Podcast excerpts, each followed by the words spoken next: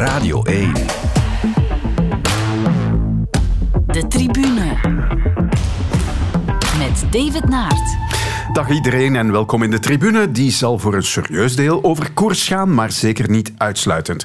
Mijn gasten vandaag zijn Hans van de Wegen van de Morgen en Jonas Creteur van Knak. Dag Jonas en dag Hans. Goedenavond. Goedenavond. Hans, de tijd dat de oneven jaren rustige sportzomers zijn, is die voorgoed voorbij? Er zijn, geen, er zijn geen rustige momenten meer, er zijn geen rustige weken zelfs meer. Ja, zo'n beetje eind juni, maar dan komt de Tour er alweer aan. Want Ja. we moeten nu ook heel veel voorbeschouwen altijd. En, en, nee, rustige momenten zijn weg. Ja, en er komt nog veel op ons af. Hè. De komende weken de Vuelta, de EK's volleybal, WK atletiek, EK hockey. En over het voetbal zullen we dan nog zwijgen. Maar ja, zo hebben we het uiteindelijk wel graag. Eh, we blijven bezig zo. Hè.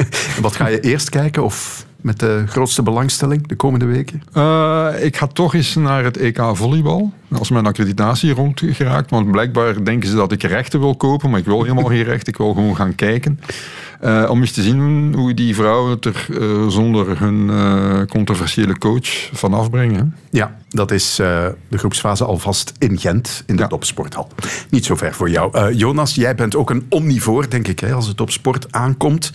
Maar is het toch vooral wielrennen wat jou in de ban heeft gehouden de, de laatste Eh, tijd? de voorbije weken alleszins, ja, sinds, de, sinds de Tour, dan de Tour de Femme, nu de wereldkampioenschappen. Ehm, maar ja, de, het stopt niet voor de, voor de wielerjournalisten, voor de pure wielerjournalisten breekt er nu een, een iets wat kalmere periode dan toch tot aan de Vuelta. Maar ja, Als, als je in, in sport geïnteresseerd bent, is eh, WK atletiek, EK hockey, eh, EK volleybal, is het allemaal even in- interessant. Dus eh, Ja. voor mij stopt het niet. Ja, je bent erg beslagen in het wielrennen. Wat vond jij van dat allereerste super-WK waar al die disciplines gecombineerd werden? Een verkeerde timing. Mhm. Waarom?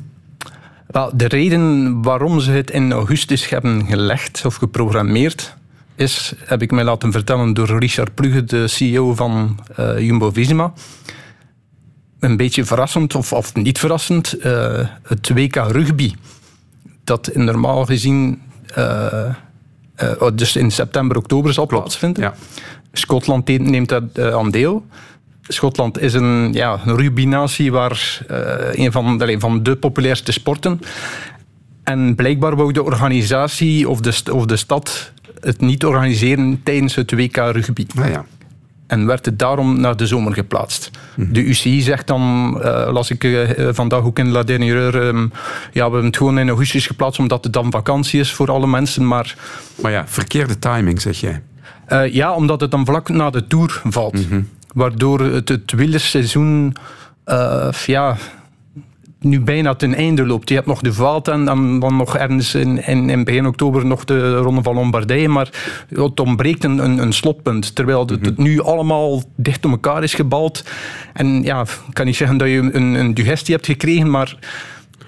Ja, nee, voor mij alleszins niet, maar voor de gewone wielerliefhebber dat het misschien wat te veel is geworden. Maar, die, maar die Vuelta komt er nog aan. Dat wordt wel, dat Dat wordt wel een- natuurlijk een nummertje, eh, dat wordt wel een mooie, zeer mooie ronde. Wel, ja. Maar je bekijkt het wel door de bril van het wegwielrennen. Terwijl hè, Super WK aandacht voor alle andere disciplines ook. Baanwielrennen heeft eh, heel veel aandacht gekregen en dat was het dan. Beetje mountainbike ook. ja, maar heeft baanwielrennen meer aandacht gekregen door de combinatie met die weg? Ik weet het niet. Ik denk het wel. eh, Qua Meer jour- meer journalisten ter plaatse Wel, ook. hè. Televisiegewijs wel. Er zullen meer mensen hebben gekeken naar die programma's, omdat ze weten dat er, ah ja, er is vanavond wel weer iets te zien. Maar de overlap was soms ook... Ja, het is veel, natuurlijk, wat, er, wat er daar natuurlijk bij kwam bij dat baanwielrennen, was die G-sport. Voor veel mensen is dat toch een... een Dat was wel een openbaring, ja. Ja, Het is een openbaring, maar Dat zijn de grote winnaars, denk ik. Ja, ja en voor een aantal eh diehards is dat dan zeggen, ja, maar moet ik daar naar kijken? Ja, dat is, dat is natuurlijk... eh, ja, ik vind wel dat het kan, en dat het moet eigenlijk om ze erbij te nemen. Hè. En, eh, Ja, en we hebben gemerkt dat we daar met de Belgische renners ook goed in scoren. ja.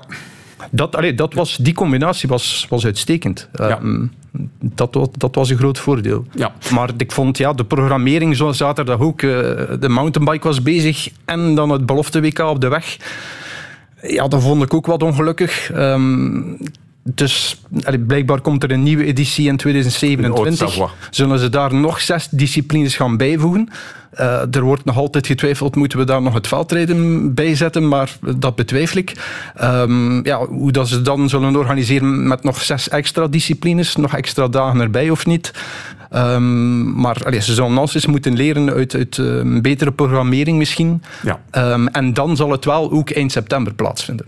Op een meer natuurlijk moment. Ja. Goed, we gaan eh, aftrappen met de momenten van de week. En eerst het moment van Hans.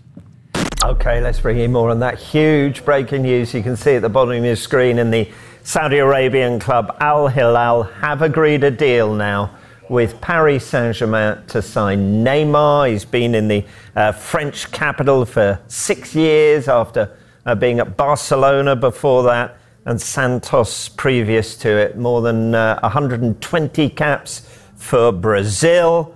But he is now making the move from Paris to Al Hilal. Eerst was het een gerucht, nu een feit. Neymar trekt naar Saudi-Arabië, naar Al Hilal. De zoveelste topvoetballer die het Gent gaat Ja. zoeken.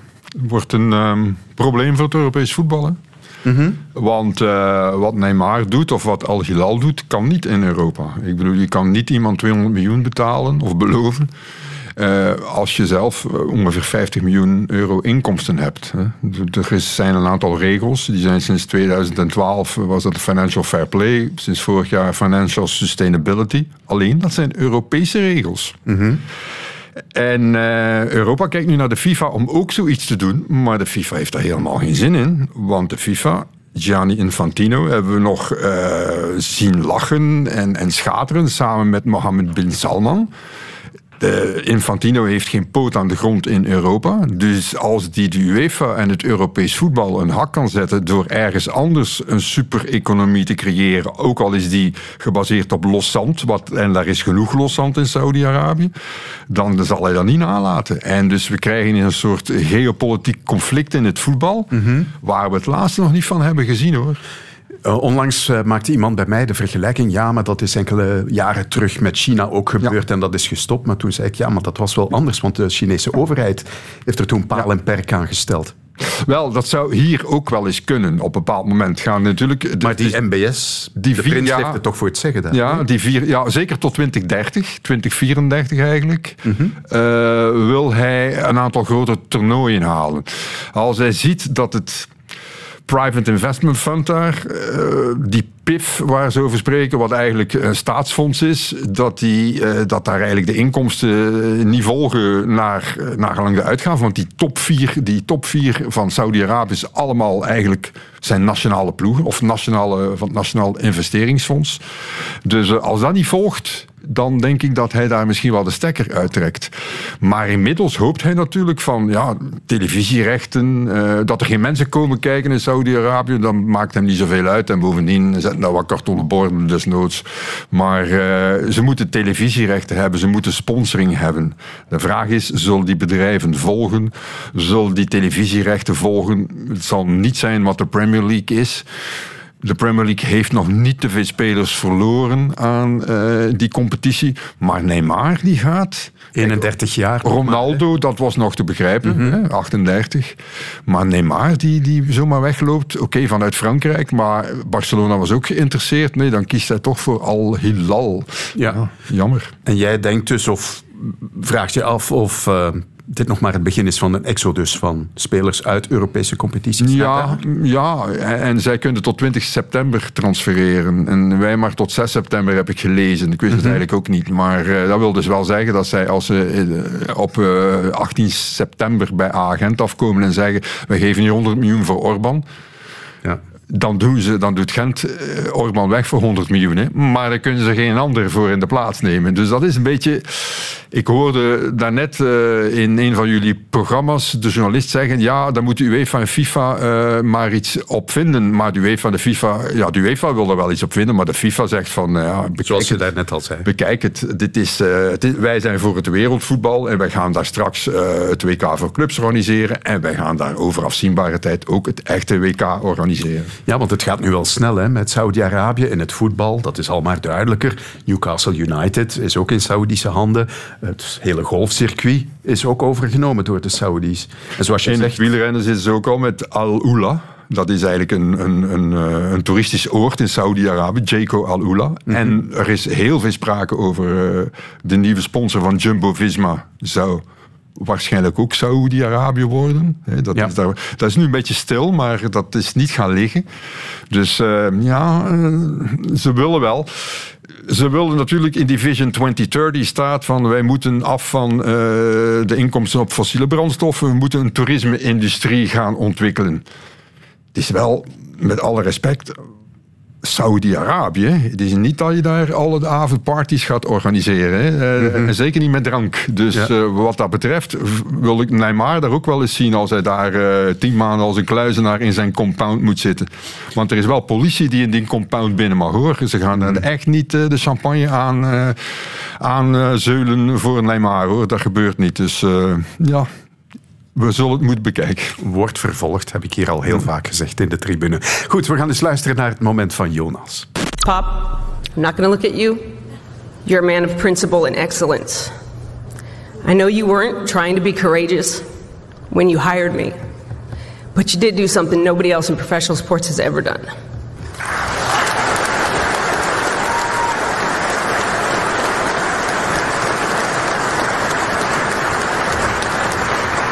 You display excellence, you expect excellence, and model how to become excellent in your everyday routine and how you go about your work. You spoke courage into me with a phone call as I was getting ready to coach that first Summer League team in 2015. You said, Just be you, you're going to be great. And you've texted me that. I don't even know if you know how many times you've actually texted me that. Just be you, just be you, just be you. And you've changed the trajectory of my life and of so many other girls and young women. Thank you. I love you. Ja, Jonas, hier eh, hoort toch een woordje uitleg bij. Ja. Ehm, dit was Becky Hammon. Oké. Een voormalige WNBA-speelster, 16 seizoenen gespeeld, eh, zesvoudig All-Star. En zij werd ehm, afgelopen weekend opgenomen in de Hall of Fame. Dus alle Amerikaanse sporten eh, nemen elk jaar een, een iconen uit het verleden op in de Hall of Fame. Eh, dit jaar was het de beurt aan, aan Tony Parker, Dirk Nowitzki, Pau Gasol, maar ook aan Becky Hammon. Ehm, het speciaal aan Becky Hammon is dat zij na haar carrière coach is geworden. Eh, en de allereerste assistant coach, niet alleen in de NBA, de vrouwelijke assistant coach in de NBA, maar ook in de, de hele Amerikaanse pro sports, zoals dat ze dat heten. Dus in, eh, NFL, MLB enzovoort. En eh, zij kreeg die kans van Greg Popovich. Pop, zei ze in het begin. Pop, dat ja. was Greg. Eh, dat is de bijnaam van Greg Popovich. Ehm, en het mooie aan dit fragment, je moet het in feite ook zien, zijn de tranen van Popovich. En op het einde van de speech ook het kushandje van Popovich naar Hammond. En wie Popovich kent, weet dat dit vrij tot niets heel uitzonderlijk is, omdat Popovic zowel vaak wat kwaad, maar, maar echt emoties laat dat hij nooit echt zien, toch niet, niet naar de buitenwereld toe. En dit was, was ja, alleen al om die emoties van Popovic zo ongelooflijk mooi, maar ook omdat dat, eh, Hammond ehm, ook wel de boodschap uitdroeg van je hebt me niet gekozen omdat ik een vrouw was om een voorbeeld te stellen of zo. Je hebt me gekozen om, om mijn kwaliteiten. Om, omdat Popovic, en iedereen weet dat, zoekt naar excellence. Hij is, is zeer veel eisend, maar tegelijk ook misschien wel de meest menselijke coach uit de NBA. Zeer verstandig, zeer empathisch, maar wel zeer veel eisend. En, en hij zag die kwaliteiten ook in Becky Hammon. En daarom heeft hij haar een, een kans gegeven in 2014. Ze is dat gebleven, dus, dus de eerste fulltime assistant. Want in- 20 jaar geleden was er nog zo'n parttime, maar de echte eerste fulltime assistant. En ze is dat gebleven tot eh, december 21, 2021. Daarna is ze overgestapt naar de Las Vegas. Eh, ploeg in de WNBA. En ze is met die ploeg ook meteen kampioen geworden vorig jaar, in 2022. Dus ehm, ja, het is ook een, een echt een, topcoach. Eh, Pau Gasol heeft er ooit een, schitterende ehm, brief over geschreven. Open brief in de Players Tribune. Eigenlijk een ode ook aan, aan Becky Hammon over haar kwaliteiten als, als coach. En dat ze dan op dat moment dan de figuur bedankt die haar gelanceerd heeft, vond dat eh, enorm- ongelooflijk mooi. Inderdaad, te bekijken op eh, Twitter onder andere. Zoek maar even op eh, Becky Hammon Ja. en Greg Popovich. De tribune. Sportgala komt eraan in december, maar een deel van de trofeeën kunnen we eigenlijk nu al uitreiken. De Belgian Cats die worden zo goed als zeker ploeg van het jaar. En ja, het kan haast niet anders dan dat Remco Evenepoel opnieuw sportman van het jaar wordt. En sportvrouw van het jaar, ja, die prijs zal wel uitgereikt worden aan Lotte Kopecky. Wanneer ben je tevreden na komend seizoen? Als ik er op zijn minst één grote klassieker heb kunnen winnen terug. Uh, volgend seizoen, uh, vorig seizoen even naar, zal zeker niet makkelijk zijn. Beter doen zal heel moeilijk zijn. Heb je al naar het parcours van het WK gekeken? Ja. She's like a rainbow. En hier is ze binnen. De nul is weg voor België. We winnen en zij vooral voor het eerst in de geschiedenis de omloop, het nieuwsblad met België. Lotte Kopecky, geweldig, geweldig, geweldig. De sprintster is een aanvalster geworden. Pas op, Vollering komt nog. Vollering komt nog. Kan dat nog? Kan dat nog? Ze wil nog wel. Opgelet, opgelet. Die strijden tot op de streep. En Vollering oh. of Kopecky. Wie wint er? Ik denk dat we allemaal heel blij de bus op mogen gaan. Ja, ik bedoel, ik heb vorige week gewonnen. Vandaag in Demi. En uh, ja, er komen nog heel veel mooie wedstrijden aan. Dus ik denk gewoon dat we de perfecte seizoenstart hebben voor de ploeg. Een overwinning die mensen tot tranen toe beweegt. Lotte Kopecky wint voor zichzelf, Lotte Kopecky wint voor haar broer Noke Koersen. Het heeft geen zin om, om mijn hoofd te laten hangen en uh, ik denk de been dat ik vandaag had, uh, reden we misschien wel met twee. De Sloveen Tadej Pogacar wint met overmacht de Ronde van Vlaanderen. Bij de vrouwen lukt het wel voor een landgenote. Lotte Kopecky volgt zichzelf op. Lotte Kopecky wint na de Belgische titel in het tijdrijden ook die op de weg. Op het moment weggaan waarop iedereen aan het kraken is. Dan ben je een grote, dan ben je een hele grote. En ze gaat in de tricolore voor België. De eerste etappe winnen. Geel pakken. België boven. Voor het eerst in haar carrière pakt de 27-jarige Kopecky het geel.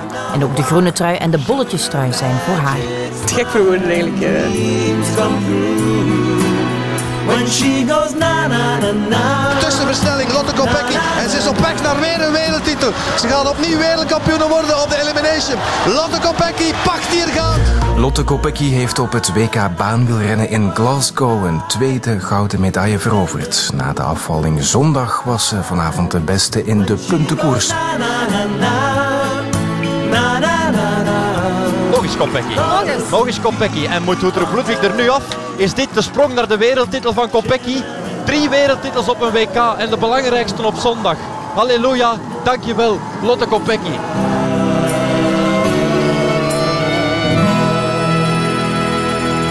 Ja, het is eigenlijk straf als je het allemaal op een rijtje hoort. Wat een seizoen voor Lotte Kopecky. Oeh, dat hebben we nog nooit gezien. Nee, nee, zeker bij de Ja, ik heb ja. Yvonne Renders misschien nog wel ergens iets weten winnen, maar uh, bij de vrouwen niet. Hè. Dus uh, dat is het niveau Justine Henin. Ja.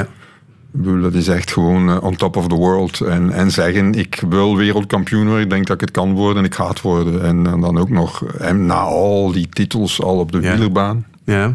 Had jij dat uh, verwacht, Jonas? Hè? Ja, nee. Ja, omdat ze, ze op dit moment steekt er bovenuit. Um, op dat parcours was op haar lijf geschreven. Um, maar ja, dan weet je dat, dat alles en iedereen tegen haar zal koersen. Ook haar ploeggenotes. Uh, wat, wat je in het mannen, uh, mannen op de WK dan niet hebt.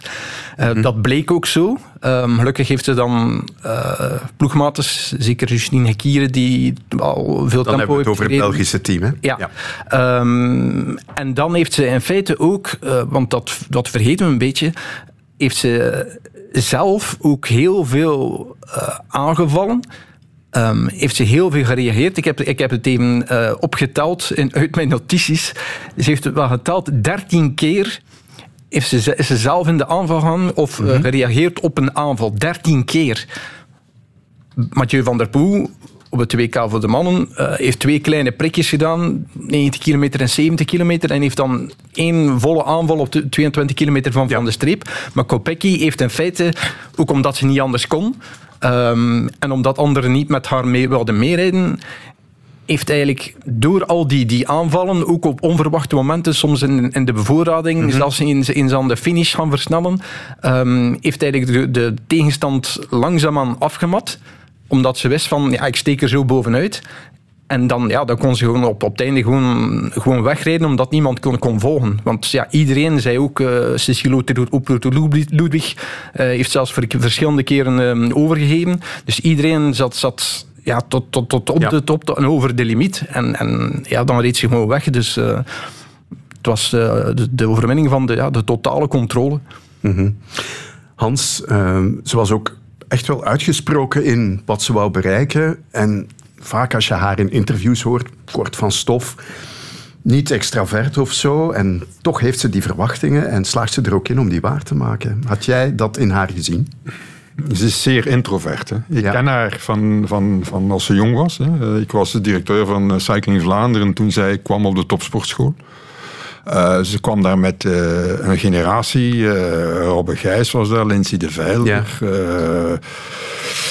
De, de, de, de chef d'équipe ouder was Jasper de Buist. En in die groep was zij het enige meisje dat moest meetrainen. En zij was heel stil. Ik heb nog op training naast haar gereden. Moesten twee aan twee rijden. En ze heeft geen woord gezegd. 6, 60 kilometer lang. En ik heb haar dan later nog eens geïnterviewd. Ik zei, weet je dan nog dat we samen getraind hebben? Nee, dat weet ik niet meer. Dat weet ik niet meer. Ze kende mij uiteraard wel, maar ze wist je niet meer. Dus zag ik het erin? Ja, ik zag een bepaalde verbetenheid in haar. Ik mm -hmm. heb geregeld de afgelopen jaren, laatste jaar niet meer, omdat het niet meer nodig was, ik is een sms gestuurd. Laat je niet opjagen. Pas op, ga nu naar een Nederlandse ploeg. Toch maar goed kijken en voor jezelf opkomen. Het is onwaarschijnlijk wat voor een metamorfose dat meisje dat ik toen heb zien komen, was een jongen, 14 jaar, heeft doorgemaakt tot een, tot een, een, een zelfbewuste en altijd niet grootsprakerig. Ja. Zeker niet, maar gewoon zegt van ja, dat zijn mijn doelen en ik ga daarvoor. En, um, en alles en iedereen moet daarvoor wijken. Uh, zelfs haar relatie op bepaald momenten. Ja. Dus uh, ja. Uh, ja, die partner was ook haar coach, hè? Kieran de Vouw, hè. Dus, uh, maar ze is... Kijk, wat we bij Lotte Kopecky zeker moeten zeggen, wat ik absoluut kan wel... Lotte Kopecky is een product van het nieuw Vlaams sportmodel. Oké. Okay. Zij is een product van de topsportschool. Een van haar eerste trainers was Frederik Brochet, die nu technisch directeur is van, uh, van de Wielerbond. Uh, Koen Beekman moeten we niet vergeten, die ook uh, haar, heeft getraind. Jan van Kompenol, dat zijn allemaal gasten met heel veel bagage. Die hebben haar getraind. Peter Pieters later bij de nationale ploeg. En nu is dat Kenny, Kenny de Ketelen, maar nu weet ze het wel allemaal zelf. Maar zij is het product van de topsportschool. Zij is voor mij, ik, zou, ik heb in mijn geheugen zitten graven, waarschijnlijk het beste product van in een individuele sport dat uit de topsportschool komt. We hebben natuurlijk de voorbeelden van het volleybal en basketbal. Die hebben ook uh, baat gehad bij de topsportschool. Maar individueel, in het judo waren er ook wel een paar. Mm -hmm. Maar dit is absoluut top. En dat komt eigenlijk door dat Vlaams sportmodel. Ja. Uh, wat ik zo straf vond deze week is haar drukke programma in Glasgow. Hè. Het was een super WK, we hebben het er al over gehad. Uh, baanwielrennen, ja, dat was toch een stevig programma. Drie, drie onderdelen gereden, drie keer op het podium, twee keer goud zelfs. En dan kort daarna wereldkampioen op de weg. Wat eigenlijk haar echte doel was. Hè? Want ze wou eigenlijk alles inruilen voor die ene regenboogtrui op de weg. Wel, mentaal is het misschien nog een grotere belasting dan fysiek. Maar um, dat is ook een van de grootste kwaliteiten van Kopecky. Is dat ze zeer taakgericht is. Uh, ze werd al sinds haar dertiende samen met psycholoog Bert van Poeken. En die heeft haar dat ook geleerd om taakgericht te leren denken en werken en ook uh, teleurstellingen achter zich te laten. Op de Olympische Spelen van, van Tokio had ze uh, ja, de ontgoocheling van de vierde plaats op de wegrit. Mm -hmm. Dan ook op de piste liep het allemaal niet goed. En daar heeft ze wat ze dan is gevallen en niet, niet meer verder kon. Maar ook na die twee onthooggelingen heeft ze door heel taakgericht te denken van oké, dat vergeten, focussen op, op het volgende, um, heeft, ze, heeft ze altijd die focus vlug kunnen verleggen. En die kwaliteit heeft ze nu ook deze week of vorige week kunnen toepassen. Ook, of zelfs in feite of over de voorbije weken. Want ja, dan eerst dan de Tour, uh, dan volgt dat WK, eerste piste, uh, verschillende trainingen. Maar toch kon ze dat mentaal heel goed verwerken. Ja, en fysiek was het misschien blijkbaar ook ja, een, een, een goede prikkel ook gewoon. Um, door de, de, gelijkenis van, van inspanningen, kort, intensief enzovoort. Ehm, dus in die zin, uh, ik, allee, vergelijk ik haar ook soms met, met, Wout van Aert. Uh, van Aert heeft ook altijd gewerkt met een psycholoog uh, die hem ook heeft leren teleurstellingen verwerken, heeft leren focussen tijdens de wedstrijd. Um, en Kopecky heeft dat ja, de voorbije jaren want ze zegt, ja, zelfs al sinds haar dertiende. Ik weet niet of dat jij... Uh, was op, ja, Bert van Poeken, die, was, die, die, die, die, werd, die werd door uh, Willebond Vlaanderen, toen was dat Willebond Vlaanderen, aangezocht om de topsportschoolleerlingen te begeleiden. Hè. Dat gebeurde in het lokaaltje naast mij. Ja, maar dat vond ik, al, vond ik al altijd wel opvallend, dat ze zei, al vanaf mijn dertiende. Wel, dat was, ja. is waarschijnlijk op haar dertien jaar in de topsportschool gekomen. Dat zou kunnen, ja. Omdat we heel weinig meisjes hadden toen, of vrouwen hadden die. En een vrouw die een beetje kon fietsen, werd gewoon in die topsportschool geleid. En nu zijn er dat er veel meer natuurlijk. Hè. Dat is vrij duidelijk. Maar ze, wat je zegt, de baanwielrennen natuurlijk. Hè. Dat is, zij is ook een enorme reclame voor het baanwielrennen. Absoluut. Dat een, een enorme transfer geeft naar de weg. Haar behendigheid. Uh, ja, dat, dat kunnen die anderen niet. Hè wat zij kan op de fiets. Zij is gewend van zonder remmen te rijden. Dat is een luxe, hè? Op zo'n parcours gelijk in Glasgow ineens met te mogen remmen. Zij is gewend van zonder remmen naar beneden, naar boven te duiken, tussen te duiken, weet ik veel. Dat is echt, ja, dat is... Uh, mm -hmm. En ja, ze, ze, kan, ze kan eigenlijk alles, ja. Maar ze is, is fysiek ongelooflijk ontwikkeld uh, de laatste jaren. Ik vind het echt een fenomeen. Hoor. Maar eigenlijk is het nog altijd straf dat ze na het afscheid van haar coach of de breuk met haar coach, vriend, dat is gewoon zelf haar eigen coach ja. is geworden. Hè. In januari ja. zei ze daar bijvoorbeeld dit over. Je begint aan een nieuw seizoen, het, het, wordt een beetje anders. Heb je eigenlijk al een nieuwe trainer? Uh, nee, voorlopig nog niet. Uh, maar ik, uh, ja, ben er wel van overtuigd dat de manier waarop ik uh, nu aan het werken ben, uh, dat dat een goede manier is. En uh, ja, als we zien dat het niet lukt, dan, ehm, ja, dan kunnen we altijd kijken voor andere oplossingen. Dus je gaat vooral af op ervaring en op, op jezelf en op wat dat je in het verleden hebt gedaan? Ja, ik heb de afgelopen jaren ook zelf heel veel ja, gedaan qua trainingsplanning. Ehm, dus ja, ik vertrouw wel op dat, ehm, dat het dit jaar wel goed gaat komen. En nu mag jij je verhaal verder zetten. Ja, voilà. Dat is, en, maar dat was, ja, dat was in januari. We zijn uh, acht maanden verder. En dan blijkt dat haar methode, haar, haar eigen werkwijze, dat het wel vruchten afwerpt. Dat ze, ook dat ze zelf ook zegt, ik ken mijn lichaam intussen zeer, zeer goed. Ze luistert heel goed naar haar lichaam. Dus ze mhm. weet wanneer dat ze, wat dat duurt soms uh, zes, zeven uur gaan trainen, zoals als de mannen. Um, maar ze heeft de kunst ja, begrepen om daarin ook niet te gaan overdrijven, om, om op tijd te rusten. Want dat was vorig jaar bijvoorbeeld wel nog het geval. Toen ze in feite na de Giro dan ook de Tour reed. En de Tour, dat was niet goed, omdat ze, ja, ze was te vermoeid. Nu heeft ze de Giro laten vallen. Uh, speciaal uh, wat enkele juniorenkoers gaan rijden. Um, en die planning klopte perfect. En om dat te kunnen, natuurlijk, ze heeft ook wel steun van Anna van der Breggen, de ploegleidstercoach bij, bij, um, SD, bij Works. SD Works. Jan van Kompernolle is nog altijd erbij. Ja. Is ook nog altijd wel. Ze doen de testing, hè. Ze ja, moeten natuurlijk testing ze moeten testings en, doen. En, en, met data en zo, maar ik denk dat ze de dagelijkse planning, dat ze doet ze gewoon zelf. Ja. En ik vind dat... Dat is knap, hè? Ik vind dat fenomenaal. Ja, maar uh, ik, zou, ik zou het toch zelf niet, ik zou het niet aanraden aan anderen, eerlijk gezegd. Nee, maar... Wat af van figuur tot figuur dan? Daarvoor moet je je lichaam heel, heel goed kennen. En... Ja, en misschien zal ze nog wel eens tegen een muur lopen en dat ze denkt van ja, hier, hier weet ik niet hoe ik er moet uitgeraken. Maar inmiddels uh, heeft ze wel getoond dat het lukt. Dus, uh... ja. Um, dat brons op het Omnium, om nu terug te keren naar de piste, uh, ik vond dat eigenlijk haar strafste prestatie in die zin. Hè, ze wint wel goud in de puntencurs en de afvalling, maar dat zijn niet Olympische ja. onderdelen. En na het wegvallen van Shari Bossuit, we kennen het verhaal van de ploegkoers, oké, okay, dat wordt in principe wellicht niets voor de Spelen in Parijs, moesten dus alles ja, quasi plots gaan zetten op dat uh, Omnium. Dat was in het verleden niet haar sterkste onderdeel op de piste. En kijk, nu staat maar ze gelijk op het podium. Daar, daar, moet zij ook uh, voor goud kunnen gaan als ze de Omnium rijdt. Want uiteindelijk die vier proeven... Ze, ze heeft een probleem met de scratch, dacht ik. Hè? Ja, en die tempo, tempo heeft, ze ook wat dat recht doorrijden. Ik bedoel, ja. dat kan, als er één ding is dat Lotte Kopecky kan, recht doorrijden en hard rijden, harder dan de anderen, dan is het toch wel dat. Hè? Mm -hmm. En sprinten dan op het laatst kan ze ook goed. Dus in principe, als ze zich daarop toelegt, is uh, medaillekandidaten en zeker voor goud uh, op de Omnium. Met haar kwaliteiten, met haar stuurmanskunst, stuurvrouwkunst, geen enkel probleem. Dus zij zou wel eens de Belgische ster van de Olympische Spelen in Parijs kunnen worden. Wel, zij zou meerdere medailles kunnen halen. En ik las ergens uh, dat het uh, geleden is, uh, 100 jaar of zo geleden. Van Parijs, van 24 jaar. Ja, Dat we veel medailles hebben gehaald in, in het wielrennen. Ja. Dus ja, kijk, ja. ja. Maar de combinatie is alles is wel mogelijk. Want ik heb even het, het, het schema opgezogt. Mm -hmm. Want ja, er was altijd bezig van ja, is de combinatie te maken. Maar allee, daarvoor moet je ook wel kijken effectief naar het schema. En dan het, het, in tegenstelling tot vorige spelen opent de, openen de spelen met, met de tijdritten. Um, ja, wellicht klopt. lees ik vandaag van Frederik Brochet, zal ze zich daar niet, niet op toeleggen. Um, het weekend nadien zijn dan de wegritten, mannen, vrouwen op zondag. En de zondag 4 augustus de vrouwen. En dan op vrijdag 9 augustus is de ploegkoers. Als uh, Als ze deelneemt met, met Shari Bossuit, maar dat lijkt dus steeds minder waarschijnlijk te worden. En ja, je merkt ook dat ze blijkbaar ja, misschien ook wel willen kiezen tussen die ploegkoers en die omnium. En omdat ze dan in het omnium het meeste medaillekans heeft, en dat is dan de zondag. Er zitten een week tussen de omnium en de wegrit.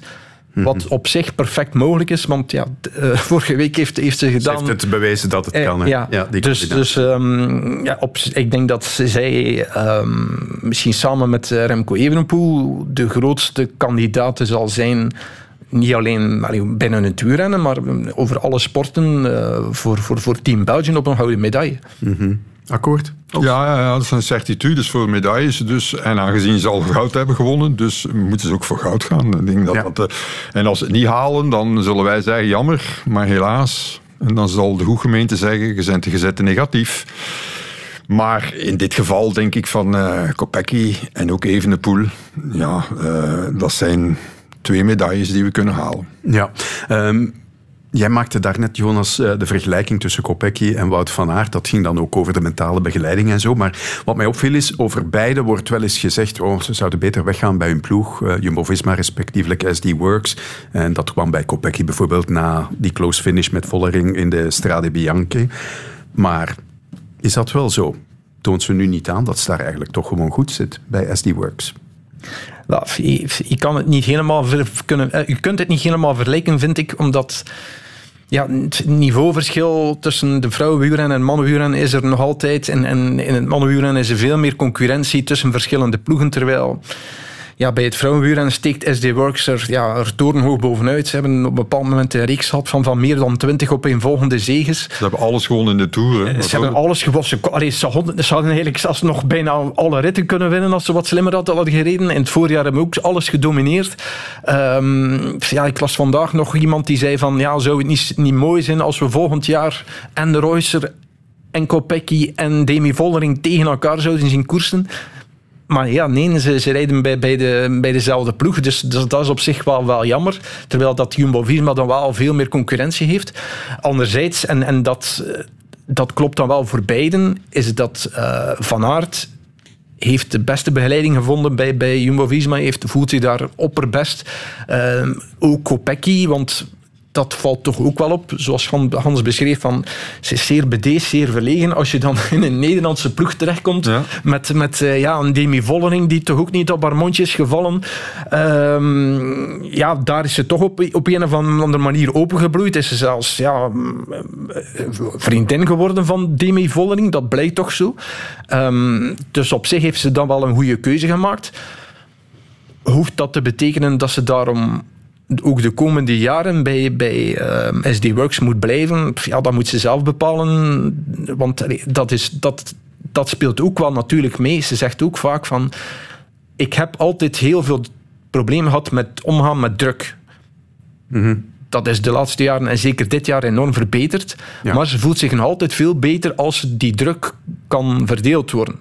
Dat ze niet altijd nu was ze wel ook weer de topfavoriete, maar dat het ook niet elke wedstrijd zo is. En dat mm -hmm. die, die favorieten ook kan verdelen tussen Vollering en Reuser enzovoort. Um, misschien dat ze zich op termijn dat wel klaar gaan voelen om, om bijvoorbeeld voor de ploeg van Lefevre, de vrouwenploeg van Lefevre, te gaan rijden en daar ja. iedereen in haar dienst. Ja, ze zal dat zelf moeten bepalen, denk ik. Oké. Okay. Ik vind het heel straf dat ze in een Nederlandse ploeg, waar, waar zo'n traditie is van winnen, komt en zegt van nu ga ik winnen, uh, nu wil ik winnen. En, en ze wint dan ook. En dan ook die wereldtitel halen, uh, Vollering uh, uitschelden tijdens de wedstrijd van rijd toch verdorie een keer mee, wat is dat hier? ja, nee, ze reed echt uh, ze reed als een Hollandse eigenlijk rond. Hè. En, en ze heeft er echt uh, stappen gezet. Hoor. En dat bedoelen we wel degelijk als een compliment. Hè? Ja. De tribune. Lotte Kopecky was dus de vedette van de Belgische ploeg op het WK wielrennen. Maar natuurlijk deed ook Remco Evenepoel van zich spreken. En hij schakelt te kleiner. En dit wordt echt wel een uh, ja, dubbeltje op zijn kant. Een minuut en elf seconden nog uh, voor Evenepoel. Heeft hij in de groene cijfers om binnen te komen. Hij ziet daarbij na de finish liggen. Oh, dit wordt bijzonder spannend. Gaan we moeten tellen zoals bij Le Monde en Fignon 1989 in de Ronde van Frankrijk. De laatste 175 meter. Hij flirt met die, met die gouden medaille. Jawel, hij gaat het halen. Daar is de finish. De gouden medaille is binnen voor Evenepoel. En hij gaat winnen met een vijftiental seconden. Hier is de gouden medaille voor Remco Evenepoel. En hij Ghana van de troon met 12 seconden. Goud is binnen. Het is toch een kerel. Vorig jaar heeft hij eh, de wereldtitel behaald in Wollongong op de weg. En afgelopen zondag zei hij, ja, het was mijn parcours niet. En dan slaat hij even terug in het WK tijdrijden. Goud voor Remco Evenepoel in een Sterling. Super knap om, om op dit parcours vooral te doen uh, als lichtgewicht. Uh, bewijst nogmaals uh, ja, gewoon wat een klasbek is. En, ben, uh, ben blij voor Remco. To be honest, I could ride harder and faster than, I, uh, than we planned.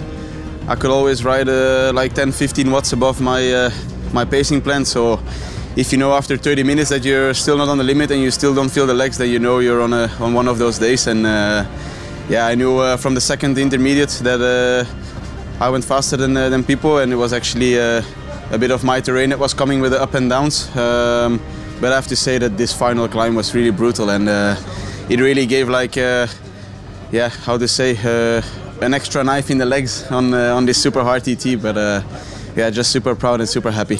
Ja, legt het nog prima uit in het Engels ook, Remco Evenepoel. Maar uh, hoe heb jij die tijdrit beleefd, Hans? Ja, goed. Je kijkt en je denkt van, ai, hij ligt achter. Oké, okay, Ghana.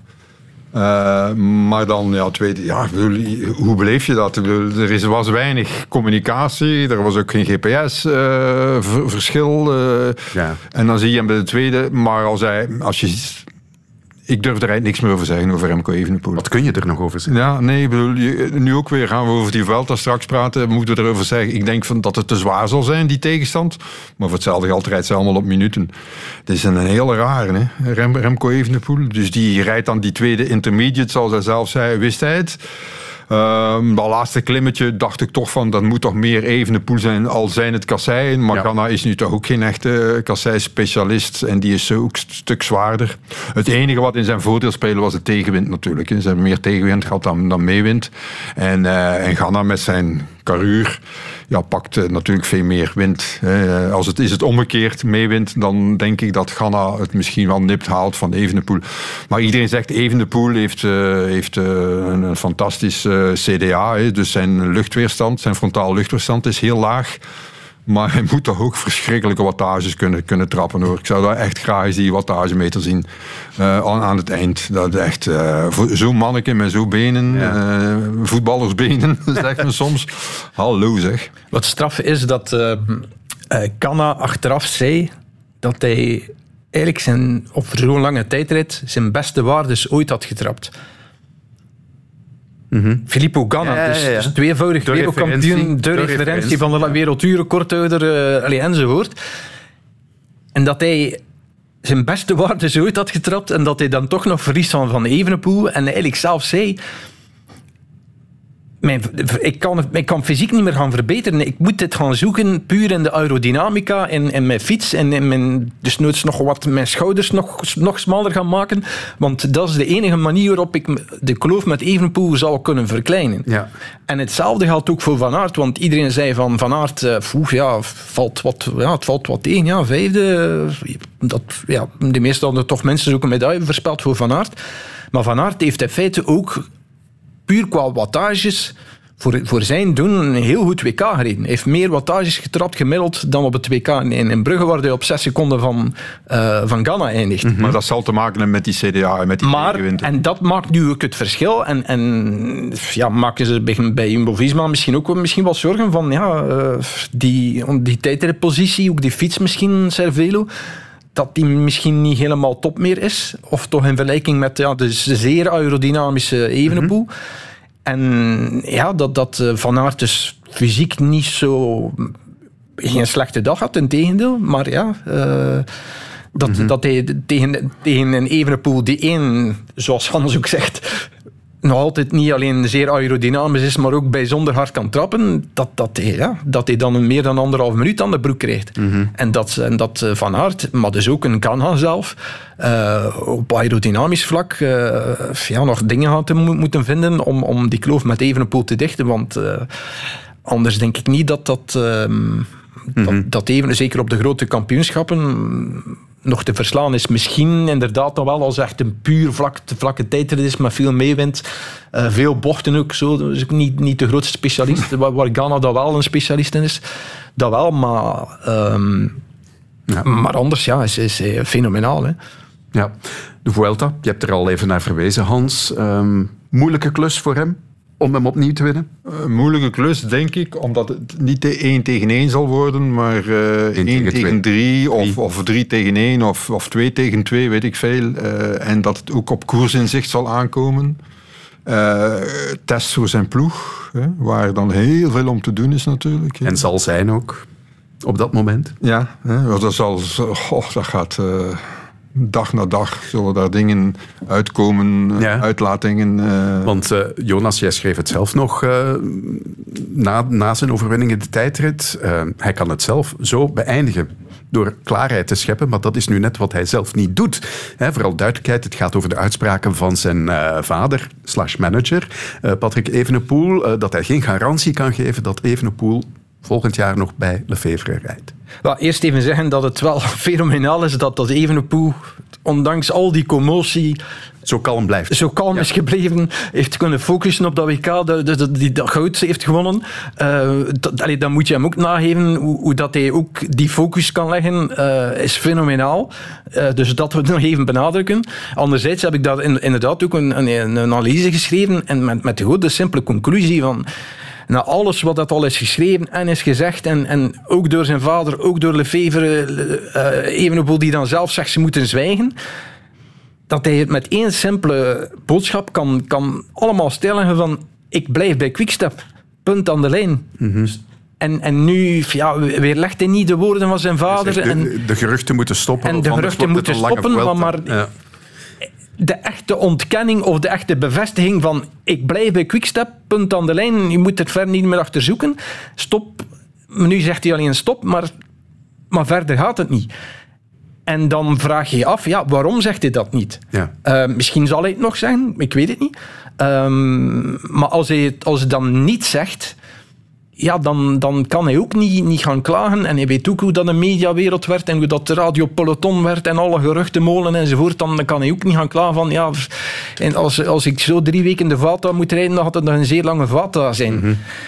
Ja, heeft, hij kan het stilleggen. Tenzij, met de grote nadruk op tenzij, er iets aan de hand is dat nog veel breder gaat dan, dan een pure transfer. En, en Hans heeft het, um, uh, ik dacht vandaag ook nog geschreven dat er misschien iets in de maak is als een soort van fusie tussen twee ploegen, tussen twee ploegen en, en dat hij dan ook zelf in het ongewis is en dat hij daardoor niets kan zeggen. Het probleem is denk ik ook dat hij ziet, en zijn vader ook, vanaf 1 augustus mogen de renners worden getekend, aangekondigd en Vandaag hebben ze iemand aangekondigd, een Breton, die de Ronde van de Toekomst gewonnen heeft, zeker, dacht ik, of zo. Of, uh... uh, de Vredeskoers. De Vredebelofte, ja. Sorry, ja. Die hebben ze aangekondigd. Uh, ja, die kan goed bergop rijden, heb ik gezien. maar ja, is dat dan de man die hem zal meehelpen in de bergen? Zij willen, eh, zij willen echt, eh, ja, zij willen de Sepp van deze wereld. eh, maar daar, de budget van Lefevre is daar niet toereikend voor. Eh, heeft Soudal zin om meer geld erbij te stoppen? Heeft Quickstep? Nee, Quickstep niet. Bij Quickstep is het eigenlijk de interesse in het wielrennen over. hè. Eh, men zit daar nog omdat men dat traditioneel doet. En in verband met Soudal, eh, dit weekend stond in de tijd een interview met Fix Werts, de Ja. sterke man van Soudal. Ehm, daar leid ik niet uit af dat Evenepoel wat hem betreft koste wat het kost moest blijven. Er zijn er genoeg andere. Ja, ik weet niet meer hoe hij het letterlijk formuleerde, maar dat was de synthese er wel van. Ik, ehm, Dus als het gaat over eventueel extra geld. Ik heb vorig jaar in augustus van iemand die heel diep in het wielrennen zit gezegd van, eh, gehoord van kijk, eh, Patrick Evenepoel is zijn ronden aan het doen en is overal aan het zeggen dat het niet gaat lukken met deze ploeg. Remco Evenepoel is in Wollongong toegekomen en hij heeft tegen iedereen die hij wilde horen zei van ja, zo, dat, ik kan daar niet blijven, ik kan daar niet blijven. Vorig jaar, september, hè. hij is dan wereldkampioen geworden natuurlijk. Dus zijn klasse is eh, onmiskenbaar. Maar dus die twijfel zit al langer en die is niet weg na het transferseizoen van nu. Want toen zeiden ze, ja maar ja, wacht, volgend jaar gaan we dat doen. Volgend jaar. Ja. Die Giro is natuurlijk tegengevallen. Hè? En, en dat zit ook, ja, dat manneke, dat, die wil gewoon veel winnen. Die wil gewoon daar altijd zijn. En, ja, en ze worden, ze worden ambetant, om het zo te zeggen. In die zin is het wel vreemd dat hij zo'n langlopend contract heeft eh, getekend bij Quickstep. Maar het was vader zelf. Dus vader is de manager van Quickstep. Vader zegt zelf dat Lefevre hem gevraagd heeft om de manager, de manager van. Evenepoel. Ehm, die in 2021 het contract heeft afgesloten. Eh, opvallend daarbij is, is ook de timing daarvan. Dat was op het moment dat, dat Evenepoel nog aan het revalideren was van zijn val in, in eh, Lombardije. Ehm, toen op dat moment ook nog niet zeker was dat, dat Evenepoel de breuk was hersteld en zo, maar We wisten nog niet hoe en wat. echt ooit weer de, helemaal hersteld geraken. Dat was de context van die Dus op, op dat moment allee, zal vader Evenepoel ook op ja, misschien eieren voor zijn, voor het, het Voor zijn geld, geld hebben gekozen. voor zijn geld of het geld van zijn zoon hebben gekozen en gedacht van oké, ja, vijf jaar eh, is toch een, een, een mooi aanbod. Blijkt dan, dan zoveel jaar later dat het misschien niet eh, ja, marktwaardig is op, het, allee, op het, de waarde die, die, die Evenepoel nu heeft. Weten, weten wij wat hij verdient? We zeggen 2 miljoen, maar... Men zegt 2 miljoen en dan nog een keer 2 miljoen aan, aan, aan eventuele bonussen enzovoort. Maar of dat, dat klopt, ik, ik, ik kan dat ook niet met zekerheid zeggen. Ik hoor alleen zeggen dat het conform de marktwaarde van Evenepoel nu, nu niet Meer is. 100% meer gelijk loopt. En dat ook in het contract geen clausule staat waarin Nee. het kan opengebroken worden. Ja. En ook niet dat hij voor een bepaald bedrag weg kan. Hè? Dat zou voor een voetballer logisch zijn. Maar ik denk dat eerlijk Ik gezegd... denk niet nee. dat Lefevre in 2021 eh En ook- toen een afkoopsom in dat contract heeft laten zetten. En, Patrick en, Evenepoel en dat eigenlijk ook Patrick niet. Evenepoel dat ook niet zal gedaan Die zullen hebben. heel tevreden geweest zijn dat die vijf Ja, want op dat moment stonden ze in feite in een relatieve zwakke onderhandelingspositie. Relatief wel gezien. Mhm. En denk ik niet dat ze dan eh, Lefevre het mes op de keel gaan gezet hebben van ah ja, een, eh, een afkoopsom voor, voor 8 miljoen en dan mag hij weg. Nee. Denk het niet. Meer tijdens de Vuelta, ongetwijfeld. De tribune. Er komt nog van alles aan deze zomer. Onder meer vanaf nu zaterdag het WK Atletiek. Normaal gezien zouden we op zaterdag ook eh, Nafi Tiam al in actie hebben gezien, want het is de eerste dag van de zevenkamp. Maar de wereldkampioene en olympisch kampioene, tweevoudig, eh, heeft forfait gegeven wegens aanslepende Achillespeesproblemen. Eh, Hans, ik denk als je daarmee sukkelt, dan is het wel de juiste beslissing, zeker ook met het oog op Parijs volgend jaar, om nu Ja. Niet mee te doen. Samen met de kniepen is ongeveer de meest vervelende blessure die je kan hebben. En waar je zo snel mogelijk vanaf moet, want anders wordt dat chronisch. En dan begint die te kraken en te piepen, die Achillespees achterin. En uh, daar kan je niet meer verder. En vooral, ja, alles gebeurt bij haar met de been. In alle nummers. Dus uh, ik zou zeggen, slim van haar. Maar ook misschien terug naar de tekentafel en kijken waar het is misgegaan. Hè. Maar misschien had ze dat al. Hè. Mm -hmm. Maar is het nu door een ander trainingsregime... Ja, want ze zit nu ja, sinds dit jaar eigenlijk bij Michael van der Plaatsen. Ja, een ander trainingsregime. Zwaarder, weet ik niet, maar waarschijnlijk anders. Uh, misschien ietsje meer lopen, wat ook nodig was om aan die top te blijven. Dus hebben ze daar een beetje rek op gezet. Maar ja, misschien kan dat lichaam niet aan. Mhm. Ze gaat ook al een hele tijd mee natuurlijk. Hè. Ja. Het is het eerste groot kampioenschap dat ze mist sinds... eh, De houdbaarheid van eh, tien kampers, meer 2013. kampers, zeven kampers, eh, is niet, niet echt lang. Hè. Die gaan geen 15 jaar mee. hè. Ja, Ehm, kan dit impact hebben op haar kansen volgend jaar in Parijs? Ja, dat is speculeren nu natuurlijk. Hè. Dat is inderdaad niet, hè. speculeren. Als ze kan trainen, volle bak in Zuid-Afrika deze winter. En dan heel rustig toeleven naar Parijs. En een beetje geluk hebben in Parijs. Dat de concurrentie niet op zijn top is. Of, of, Of steken laat rust- vallen, Of hè? steken laat vallen. En zij niet. En zij is een competitiebeest. Dan zie ik Nafitiam nog wel meedoen voor het goud. Mhm. Minstens een medaille. Maar Maar dan wordt die Anna Hall Ja, toch 22 een jaar. zeer, zeer grote concurrent. Hè. Ja, ja, maar natuurlijk. Ja, ja. Maar eindelijk, hè, want wat, wat tot, dan- tot, eh, tot voordien was het ongeveer het Benelux-kampioenschap. Ja, want- Eh, Ja, normaal was Anouk Vetter al Olympisch kampioen geweest, hè, maar ze heeft het laten liggen in het speerwerpen waar ze Ja. onder niveau presteerde. Maar misschien moeten we nu wel zeggen dat ze maar Anna Hall misschien haar grootste concurrent eh, uit haar carrière Precies daarom dat het zo jammer is dat we dat duel nu Ja, niet gaan voilà. meemaken. Ja, ook omdat Anna Hall dan eigenlijk een totaal andere, allee, totaal andere atleet is. Haar specialiteiten liggen ook op de loopnummers. Het omgekeerde van, van eh Tiam, die je dan meer van, van de werpnummers en, en het hoogspringen moet hebben. Maar ja, Hall toch ook 1,92 in Ja, het hoogspringen. eh, maar Tiam dus- haalt haar hoogste niveau al een tijd niet meer in dat Ja. hoogspringen. Dus. Ehm, maar Hall heeft, heeft eh, dit voorjaar ook net de 7000 punten gemist. Ehm, Persoonlijk kan- record sinds zes Ja. van de zeven onderdelen. En kan. Tiam dat nog? Dat is ook al... Haar eigen persoonlijk record dateert ook al van, van ehm, 2017 in Gutsies. Mhm. Ehm, en nu heeft ze gezegd van ik, ik heb nog twee doelen, zijn de Spelen en, en het Europees record van ehm, eh, Carolina Kloeft. En daarvoor moet ik uit mijn comfortzone gaan treden en misschien wat risico's gaan nemen. Mhm. Zoals Hans zegt, heeft ze te veel risico's genomen? We weten het niet. Eh, Dat zullen ze zelf moeten bepalen en, en of dat ze dat trainingsregime moeten veranderen.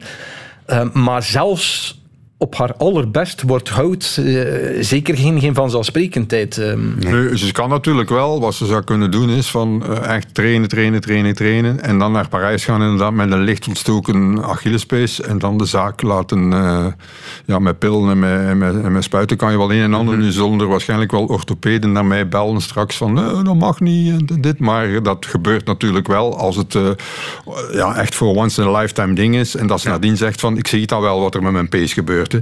Maar eh, dat zou wel kunnen. Maar dat kan ze nu niet een jaar voor de Spelen. Hè. Kan dat niet doen voor Budapest.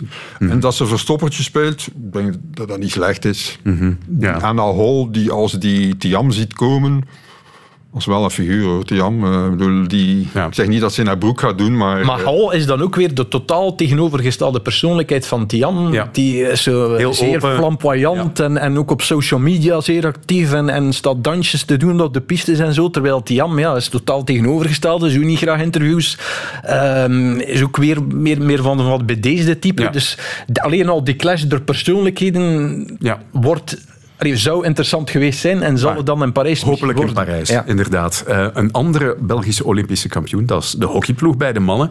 Die beginnen, net als de vrouwen trouwens, aan het Europees kampioenschap eind deze week. Ja, toch ook met de nodige vraagtekens, denk ik, Hans. Ik weet, ja, ik weet niet wat daar eh, is gebeurd. Eh, waarom zij ineens iets minder presteren? Zijn de anderen dan zoveel beter geworden? Is de coaching anders? Ik moet eerlijk zeggen, ik heb eh, alle keer, al, telkens als ik een groot toernooi zag en als ik erbij was, ook in Tokio, mijn ogen uitgekeken op die, eh, op die eh, McLeod-coach, die eh, Nieuw- Nieuw-Zeelander, Shane, Shane McLeod, hoe die dat deed. Hoe die alles bespeelde, maar ook de media. Want ik had op een bepaald moment een t-shirt aan van ehm de America's Cup. Die was net gewonnen door Nieuw-Zeeland. En het was echt, dat is toeval. En hij komt naar mij en zei, I want this t-shirt when I'm Olympic champion. Maar hij heeft hem altijd niet, moet ik eerlijk zeggen. Maar goed. Het is daarom dat het niet meer draait. Nee, maar en, en eh, die, was, die was daar dan mee bezig. Dat was na de halve finale. Ik denk van, hè? Maar dat was een heel speciale man. En Nicolas de Kerpel, die, die eh, leerling is geweest bij ons, eh, die, die zei me ook van, ja, dat is wel een heel speciaal. Hoe die in de kleedkamer ons aanpakt, is, is dat het verschil? Ik weet het niet. Een beetje verjonging natuurlijk ook. Dat was wel aan de orde. Ja, ze hebben daar wel nu een, een, een, een, een donkere jongen. Onana. Ja, een donkere Nelson jongen. Onana en Tom Boon thuisgelaten. hè. Ja, dat is... eh, Maar dat is vooral ook om, om ja, meer energie en, en meer agressiviteit in die ploeg te krijgen. Hè? Want dat was het, het, het probleem in, in- op het eh, jongste WK. Ze hebben daar een match gespeeld. eh, ja, Overtuigend was het niet. ja, nee, en, en te economisch, te behoudend. eh, op pure ervaring zullen we het klusje, klusje wel afmaken. En dat is ook bijna gelukt. eh, tot en met de finale en, en, en, en met de shootouts. Maar allee, je zag dat, dat, dat ze mm, niet met hetzelfde vuur brachten als, als in Tokio. Maar in Tokio heb ik van de Nederlanders gehoord. Die zeiden tegen mij van... Ja, hè, jullie hockeyploeg speelt zoals jullie voetbalploeg in de jaren zeventig. Ik zei, hè? Ik ken niet zo heel veel van hockey, dus ik ging daar ook naar gaan kijken. En ik van, ja, spelen die niet aan... Ja, inderdaad, als je kijkt in Tokio, heel weinig field goals. Hendrik scoorde ongeveer alles wat hij kreeg. Hè, hè, op die penalty corners. Ik zei, ja, maar die penalty corners... Ja, maar dat is, ja, maar dat is een uitwas van hockey. En eh, ik zei, oei... Nee, er moet meer spel in en, enzovoort. Maar de, de Belgen zijn in, in Tokio Olympisch kampioen geworden om in grote reden door die penalty corners. Ik heb, ik deze week een verhaal gemaakt voor, eh, voor een knak dat woensdag verschijnt. Ik heb een overzicht gemaakt van, van alle percentages in alle grote kampioenschappen. Dus hier hebben ze de finale verloren op de penalty corners. Daarna is Alexander Hendricks in de ploeg gekomen. De beste penalty corner specialist ter wereld. Ehm, Maar nu en- hebben ze daar blijkbaar... en die dat- andere teams hebben daar een, zo- een soort antwoord op gevonden. ja, want ze zijn nu met twee uitlopers blijkbaar en, en om, om Hendricks te gaan afstoppen. Maar op het voorbije WK, want het percentage was gestegen van 35% naar 37% naar 48% op de Spelen. 48% waarvan Hendricks er 55% binnenschoot. 55% dat is onwaarschijnlijk. Maar dan op het voorbije WK hebben ze maar afgewerkt aan 25%. En is Hendricks ook uitgevallen in een match tegen Japan. En daarna was het, was het ook niet meer. Ehm, ja, de ploegen tegenstrever krijgen ook eh, meer zelfvertrouwen, omdat Hen- Hendricks dan niet op de penalty corner staat. Dus er is ook geen optie meer om, ja, om te gaan verrassen. Ehm, want als ze nu met ehm, Louis Kluipaert de eerste optie hebben, dan, allee, dan wordt dat al moeilijker. Dus veel hangt af van die penalty corner en of dat, dat percentage of dat ze weer omhoog kunnen krijgen. Ja, ik ga je na het EK bellen om te horen wat het percentage was. en daarmee zit mijn laatste aflevering als presentator van de Tribune Europe. Ik wil heel graag mijn collega's David Goeman, Jonathan Mettepenningen en Nicola de Brabander bedanken, want zonder hun steun, feedback en ideeën was het mij nooit gelukt. En ik wil ook uitdrukkelijk Tom van den Bulke bedanken. Tom maakt intussen al een hele tijd het mooie weer als hoofdcommunicatie bij AA Gent. Het waren Tom en ik die de tribune in de zomer van 2019 in het leven hebben geroepen. Het was heel fijn, Tom, dus eh, jij ook zeker bedankt voor alles wat je hier hebt gedaan. Dit was het wat mij betreft, maar niet gevreesd. Op 21 augustus, volgende week dus, is de maandagse tribune er nog één keer met Nicola de Brabander. Tot dan.